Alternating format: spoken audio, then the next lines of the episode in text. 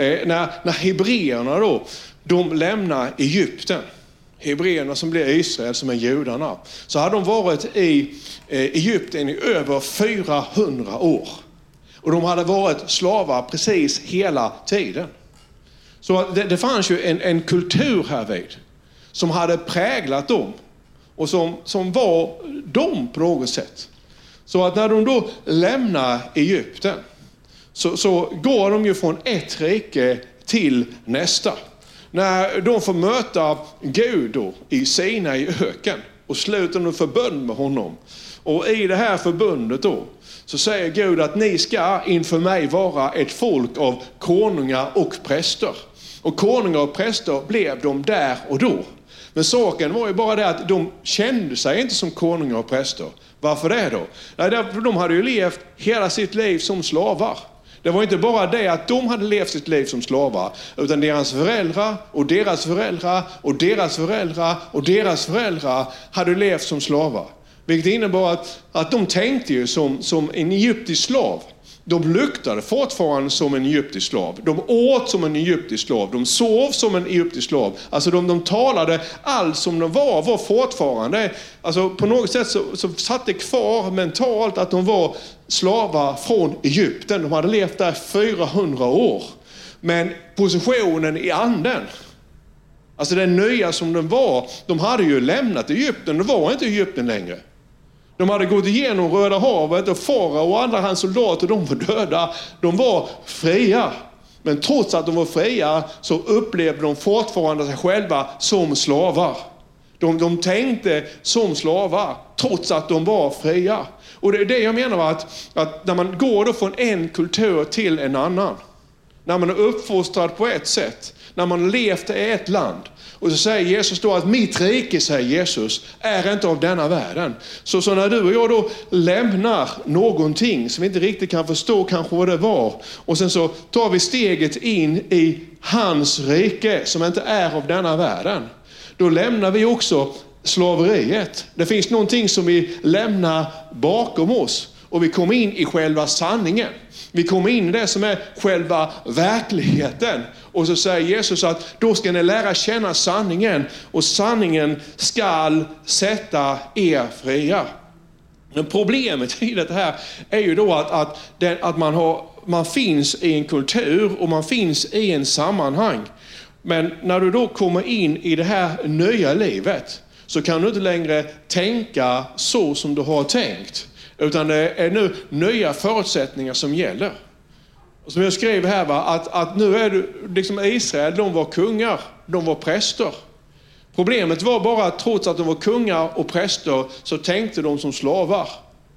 Och när du nu har kommit in i Guds rike och vi har kommit in i Guds rike, då kan vi inte längre tänka så som vi tänkte. Utan vi måste tänka så som man gör i Jesu rike. Det, det är oerhört viktigt. Va? Och Jesus han säger ju så här själv då, va? att jag säger er sanningen. Var och en som ägnar sig åt synd är syndens slav. Så att när man då har, har lämnat liksom Egypten så finns det saker och ting som man också lämnar bakom sig. Och du behöver inte längre vara slav under olika saker. Vi möter ju människor då som, som fortfarande kanske ljuger. Och, och lögn, att, att ljuga medvetet det är inte bra. Och att ljuga när du har kommit in i sonens rike, det fungerar inte. Men så länge som du ljuger så kommer du till att vara slav under den synden. För det är synd att ljuga. Man kan sluta att ljuga. Och så säger Jesus, när du får lära känna sanningen. Och sanningen är att ditt ja ska vara ett ja och ditt nej ska vara ett nej. Så när du då får lära känna sanningen, då så blir du fri. Och när du börjar tala sanning i alla sammanhang, när du börjar tala sanning i alla lägen, då liksom på något sätt landar du på klippan. Då, då landar du tungt. Då börjar kungen i dig, alltså prästen i dig, då börjar Guds rike komma fram. Därför att Guds rike är alltid sanning. Förstår ni lite grann vad jag menar? Alltså, vi måste lämna någonting. Det är så va, samtidigt så är vi ju kvar. Samtidigt så är din och min uppgift att vara bland vanligt folk. Det är inte så att vi ska dra oss tillbaka, utan vi ska vara bland vanligt folk, du och jag. Men vi är samtidigt, när vi är bland vanligt folk, så, så är vi i Jesu rike. För Jesu rike är här nu, det går inte att se det. Och när du, du är bland vanligt folk så, så, så, står du för en annan kultur. Du är lite annorlunda, du tänker annorlunda, du talar annorlunda, du tror annorlunda och du har annorlunda förutsättningar. Därför att du har blivit uttagen. Alltså någonting har fört dig ut ifrån ett mörkrets välde in i den älskade sonens rike. Och det är det jag menar vi ska göra nu i oktober. I oktober så ska vi agera på vad då? Vi ska agera på det som vi är och inte på det som vi har varit. Det som är onormalt här är normalt här. Så när vi nu, nu ber så ber vi inte utifrån det som vi har varit, utan vi ber utifrån att vi är i hans rike som inte är av denna världen. Och Jesus säger själv till Pilatus, och säger han så här, du ska veta en sak, säger han. Att du har ingen makt över mig om det inte hade varit dig given. Om jag hade velat så hade jag knäppt med fingrarna och änglarna hade kommit och stridit för mig och befriat mig. Men nu gör jag inte det för att jag har kommit för att betala priset för de många. Kan du se det? Så den verkligheten är ju din här och nu. Problemet är ju bara att vi, vi tänker alldeles för mycket som egyptier. Vi tänker väldigt mycket utifrån en slavmentalitet istället utifrån den position som vi har i Jesus Kristus. Så jag ska visa det här. Får jag en slide till? Nej, alltså, då säger Jesus här va, att ni har inte utvalt mig, säger Jesus. Utan jag har utvalt er och bestämt, bestämt er till att gå ut. Alltså det här som jag tänker beröra nu, man skulle kunna predika om det ganska så länge. När, när Gud han kommer till Mose, tänk efter själv. Det här är en människa då som, som när han föddes då så fick de gömma honom. Han föddes i en tid där det, det, det, liksom, det, var stora massakrer bland hans folk då, därför att hebreerna höll på att bli så många då så de kunde bli en maktfaktor. Det var, alltså människor slaktades, människor dödades och, och alla gossebarn som föddes, de kastades i Nilen till krokodilerna för att dödas. Och mamman gömmer pojken då och skickar ut honom liksom på en liten flotte på vattnet och i hopp om att prinsessorna som badade skulle höra hur han skrek och att deras liksom, modershjärta skulle väckas till liv och de skulle ta hand. Han växer upp i, eh, som, som adopterad och han känner att han är aldrig riktigt hemma någonstans. När han är 40 år gammal så, så, så, så alltså slår han ihjäl en människa. Vi pratar om någon som har dödat en annan människa och han är nu en fåraherde ute i öknen. Han vallar sin svärfars får när Gud kommer till honom. Och du vet att Mose, han hade ju en potential som var oerhörd. Men så länge som han inte kom in i, i Guds rike så kunde inte den potentialen utvecklas. Det fanns en kallelse på hans liv som han inte riktigt fattade.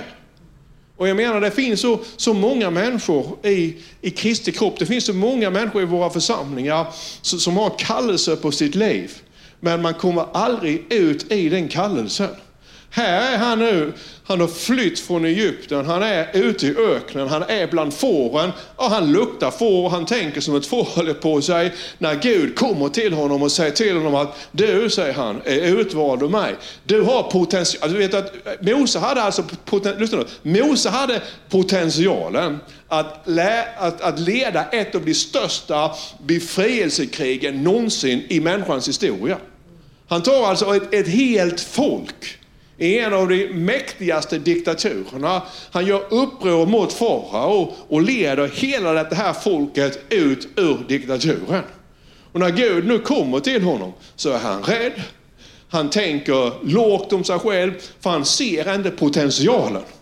Och då säger han så här, eh, Mose, till, till Gud säger han, de, säger han, de kommer inte att tro mig. Du ska gå och säga till folket, du ska säga till farao och säga de kommer inte att tro mig. Och jag tänkte på det, vänta lite grann nu Tommy, vad är det egentligen han säger? De kommer inte att tro mig. Eller säger han att jag tror inte på mig själv. För det är det som, som jag har berört liksom varje gång jag har predikat nu här, va? att Mose han trodde ju på Gud. Det gjorde han hela tiden. Men han trodde inte på sig själv. Och så länge som han inte trodde på sig själv så kunde inte den potential som han hade på insidan aktiveras. De kommer inte tro, därför att jag tror inte på mig själv. Men när du och jag vi har lämnat mörkrets välde och säger Jesus att mitt rike är inte av denna här världen. Där finns ju en kallelse. Alltså, du är ju kallad in i Guds rike och du har inte kommit dit av dig själv därför att Jesus säger nej, alltså du, du har inte utvalt mig, säger Jesus, utan jag har utvalt dig. Och han, är du med mig? Han säger till Mose, det var inte Mose som utvalde Gud. Gud utvalde Mose. Och när Mose bejakade kallelsen, då kunde, kunde liksom hela den här potentialen som fanns i Mose utvecklas. Och han blev en av världens främsta ledare. Och, och, jag vet inte riktigt, det känns som att den här kallelsemedvetenheten i Kristi kropp, som att den har tröttnat. När jag liksom kom till tro för 30 år sedan, 40 år sedan, då, då var det, alltså, det var så här va, att man predikade väldigt mycket om att det fanns en kallelse i varje människas liv. Och så är det va, att du har en uppgift i Guds rike. Men, men väldigt mycket har, har förändrats idag. Och, och nu när, när, Corona har arresterat Sverige också, så, så, så trots att man kanske vill så, så, är det inte så lätt. Va? Det, det är ett hårt slag mot församlingen. Men sen är det också så att, att samhället idag, jag har talat med flera olika människor här nu den sista tiden. Det var en läkare jag pratade med. Han, de var fyra stycken på, på läkarstationen. Två läkare slutade. Och de tillsatte inte nya läkare. Nu skulle två läkare göra vad fyra läkare hade gjort förut. Och jag har flera, flera olika arbetsplatser där man var 15 stycken 10 stycken, eller 15 stycken, 5 gick och nu ska 10 stycken göra vad 15 gjorde tidigare. Man var 20, man halverat personalen, när man 10 kvar och nu ska 10 göra mer än vad 20 gjorde tidigare. Och det, här, det här finns över hela samhället. Så å ena sidan så har vi fått mer pengar över i fickan. Mm. Men å andra sidan så är vi mer stressade, vi är mer trötta. Så, så då har vi mer pengar över i fickan har vi för att vi har blivit effektivare.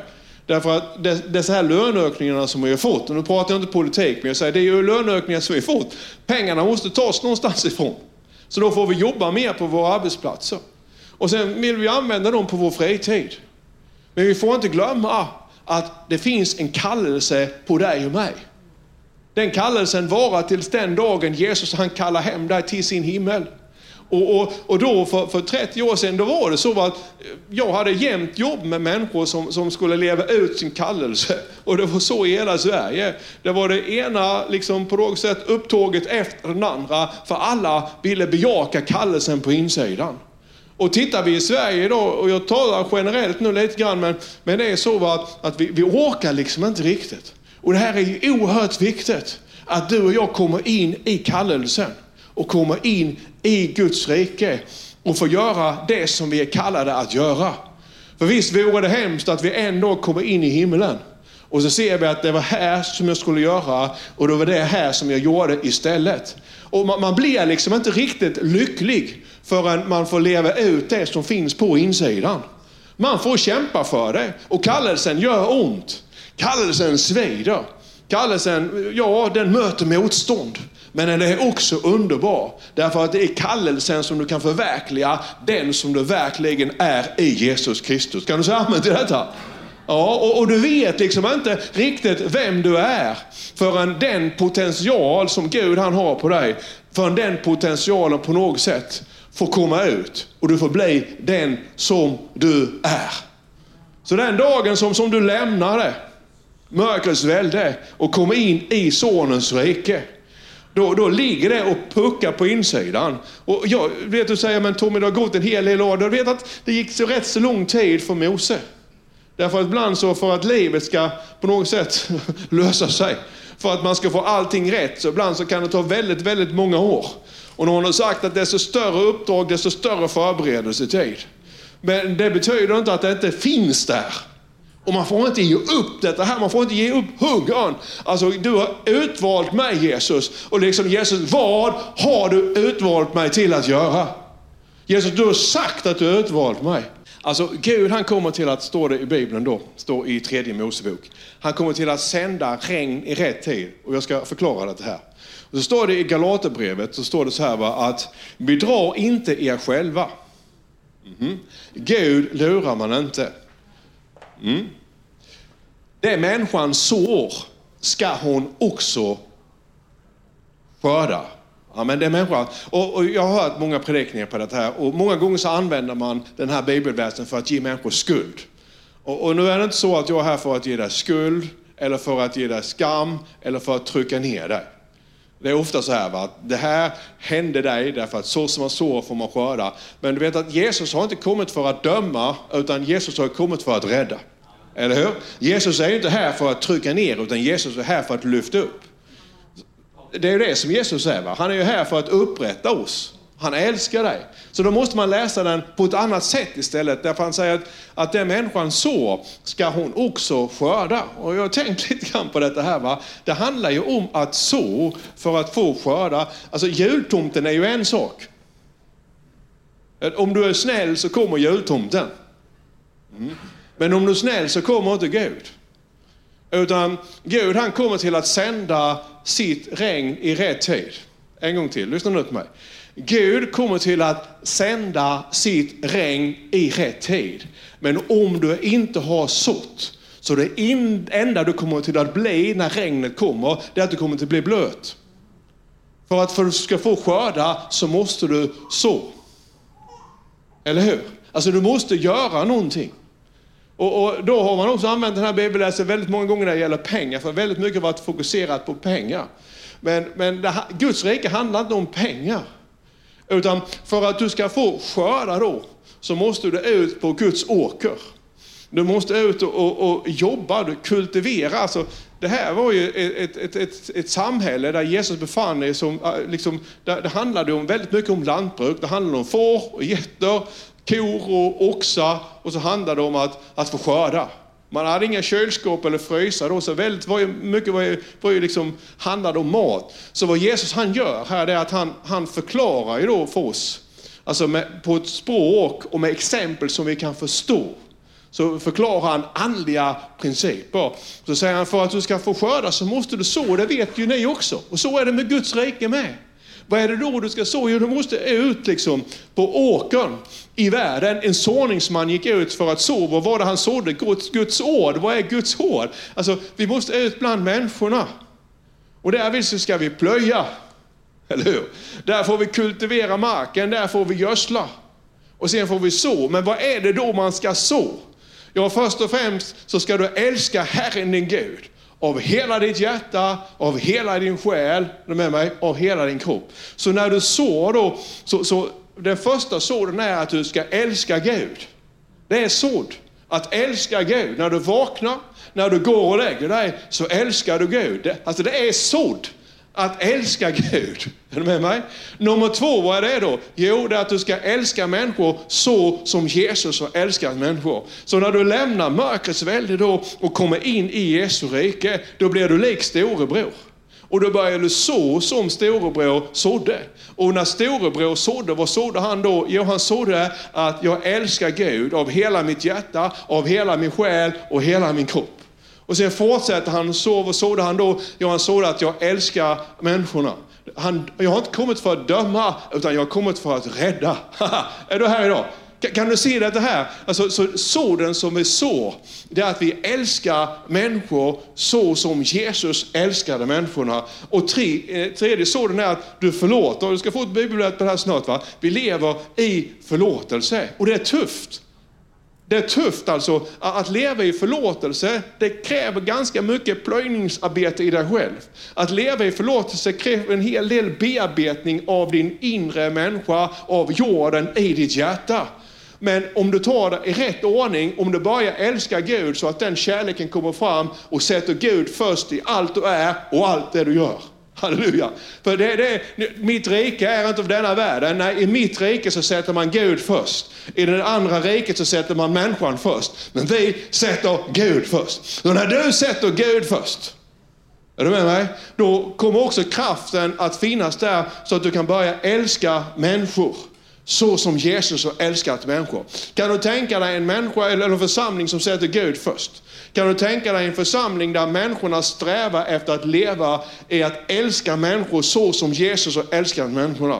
Kan du tänka dig en församling som, som försöker bearbeta sig själv och komma in i förlåtelse? Det är inte alltid så lätt, för ibland så är människor väldigt dumma och vi blir besvikna, jag vet om det. Men Jesus han säger ändå att vi ska förlåta. Ser ni nu att jag talar inte om en massa gärningar, att du ska göra det och du ska göra det och du ska göra det och du ska göra det. Utan det handlar mer om att du sår med ditt hjärta. Därför att det är med hjärtat som du älskar. Det är med hjärtat som du älskar Gud. Det är med hjärtat som du älskar människor. Det är med hjärtat som du förlåter. Att du sår med ditt hjärta. Och därför att du kan inte tänka så som man tänker där i den andra riket. För så och skörd fungerar på ett annat sätt där. Där ger du tillbaka vad du har fått. Kom igen nu, är du här? Utan här på något sätt så ligger det i ditt och mitt hjärta. Kan du säga amen till detta? Ja, för, för, ja, det är på det här sättet. va. Och det, det, då finns det också olika grödor. Du vet den som varit lantbrukare va? Att man, man sår nypotatisen, jag kan inte det så bra, men jag vet ju att nypotatisen den kommer ju tidigt. va. Och så tror jag att sockerbetorna kommer på hösten. Och, och det, det, det, är så att vi, vi, vi, vi sår ju hela tiden. Vi sår på olika åkrar och vi får skörda lite nu och då. Och det viktiga är att, att regnet, säger Gud, regnet kommer till att komma i rätt tid. Du kan inte påverka regnet, regnet kommer från Gud. Men soden gör du. Alltså det är så va, det är, det är så med allting. Det du ger dig till, där får du skörda. Om du, du vill någonting i livet så kanske du måste studera. Att studera är en sådd. Senare i livet så får du skörda. Idag när man är 60 då till exempel. Ja, vissa saker får jag skörda idag som jag har sått i många, många år. För ibland så kan det ta tid. Mose på något sätt hade gått igenom många saker. 80 år var han när Gud kallade honom. Eller hur? Alltså då hade han fått livet till att fungera. Då var han mogen att ta sig an uppgiften. Resten, liksom, de andra åren hade han sått han hade kultiverats, han hade bearbetats och nu skulle skörden, komma. Men du vet, regnet kommer till att komma. Karin satt ju uppe i Umeå pingkyrka. Eh, och det var, hon hade kommit liksom från EFS, då kommit in i pingkyrkan och man predikar på olika sätt i olika samfund. Och eh, på något sätt så blir allt bra i alla fall. Och hon fattade inte, hon såg med bokstäver framme på väggen. Regnet kommer till att komma. Amen. Och hon kunde inte fatta att det här regnet kommer till att komma. Och det är så att regnet, hör ni det nu? Regnet kommer till att komma. Hör ni det? Regnet kommer till att komma. Men då är det också så att om du inte har sått, så det enda regnet kommer till att göra med dig då, det är att göra dig blöt. Så därför måste vi börja så. Är du med mig? För när regnet kommer så kommer det regna på det som vi har sått. Om vi då har sått ut Guds kärlek, om vi har sått ut generositet, om vi har sått leende, om vi har sått förlåtelse och vi har sått, så kommer vi till att få skörda det som vi har sått. Har vi berättat om Jesus med våra liv? Man behöver inte alltid liksom säga Jesus, alltså man kan berätta om Jesus med våra liv. Så kommer vi till att få skörda, därför att det kommer till att regna över Sverige. Hör ni det? Regnet kommer till att komma. Och det kommer till att falla på det som vi har sått. Och jag vet att ni som lyssnar och ni som är här, vi har inte bara sått Guds kärlek, vi har också sått ordet. Och på de som har fått ordet kommer regnet att falla. Och de kommer inte bara till att bli blöta, utan någonting kommer till att börja växa i deras hjärtan. Halleluja! Det här är ju hur bra som helst. Regnet kommer till att komma. Det handlar egentligen bara om att stå kvar. Förr eller senare så ska vi skörda. Amen. Då är det så här va, säger Jesus här att, jag ska, jag ska ta det här, jag vet att jag predikat den här versen många gånger, men, men ni måste se sammanhanget. För precis som ibland som man använder det här med sådd och skörd bara om pengar, och folk kan få för sig att Guds rike handlar bara om pengar, det handlar ju minst om pengar. För allt vad som är på jorden hör den till, tillhör Gud, och allt guld och allt silver tillhör Gud. Så det är inte det det handlar om. Lyssna nu på mig. Kan ni med lyssna hemma? Om du sår med att älska Gud av hela ditt hjärta, om du sår med att älska din nästa så som Jesus har älskat människorna. Om du sår med att leva i förlåtelse. Då ska du se att det här med pengar, det löser sig utan att du behöver bry dig så mycket om det. Därför att du tänker du tänker fel. Du tänker som man gör i det andra riket. Men Jesus säger, mitt rike är av ett helt annat slag. I mitt rike tänker man annorlunda. Du kan inte ha slavmentaliteten inne i mitt rike. Då funkar det inte. Men jag har gett dig sanningen och sanningen ska sätta dig fri så att du kan tänka som man tänker i mitt rike. Och när du då sår så kommer du till att få skörda. Eller hur? Men vi vill inte skörda världens frukter, utan vi vill skörda andlig rikedom. Eller hur? Och det finns ju ett krig på detta här också. Och kanske ni som lyssnar nu, jag vet att det finns människor som är utmattade. Jag vet att liksom det är ett tryck på jobbet som man inte, man, man orkar liksom inte riktigt. Och därför så är det också så då va, att man får vara smart. Vi måste bli visa. Så att man klarar av både tempot på jobbet, men samtidigt också då att leva sin kallelse. Det finns en balans i alltihop det här. Men jag tror att om alla gör vad vi kallar det till att göra, då räcker arbetsinsatsen. Och då säger Jesus här, jag ska läsa det snabbt. Eh, tro som Gud. Jag säger sanningen. Om någon säger till det här berget, ni kan ju versen va? Lyft dig och kasta dig i havet och inte tvivlar i sitt hjärta, utan tror det han säger ska ske, då kommer det att ske för honom. Vi älskar den här versen. Jag har predikat över den många gånger. Va? Berget är utanför dig. Och Jesus säger samma sak om mullbergsträdet, det är på insidan. Du talar till berget. Och du talar till mullbergsträdet. Du kan kasta upp det som är på insidan av dig. Och du kan stå emot det som är utanför dig genom att tala som man ska tala i Jesu rike. Eller hur? Och sen fortsätter han så säger han så här. Därför säger jag er, allt vad ni ber om och begär, tro att ni har fått det så ska det bli ert. Och det är det som, som vi kommer in på då i den här bönen om 21 dagar. Då ber vi den 29. Och sen talar vi som att det redan är en verklighet i 21 dagar. Halleluja! Och det kommer till att bryta igenom. Bara en kortis här, vi får ta en snabbis här. Kan vi bara ta det? Alltså jag hade jag fått fruktansvärt ont i knäna då.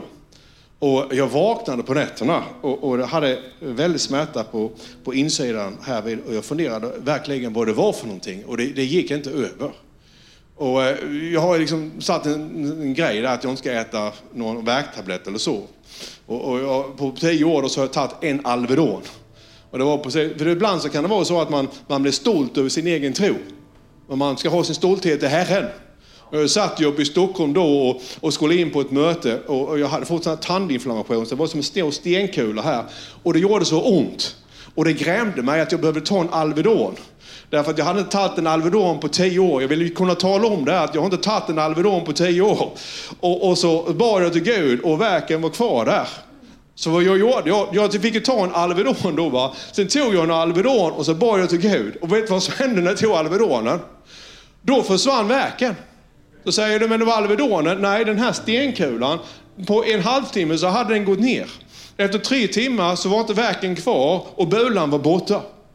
Du vet att den stolte ska ha sin stolthet i Herren. Så ibland så kan det vara på det sättet. Va? Så nu här när jag fick ont i knät så sa Karin till mig, du får ta och smörja knät här, så Karin till mig då med sån här Voltaren. Så här ska inte smörjas någonting, för jag, i Jesu namn säger jag hela. Jag fick ge mig då, för jag fick gå upp på nätterna, jag sov ju inte, jag gick omkring som, ja. Så fick jag smörja här vid va. Och så tog jag Alvedon.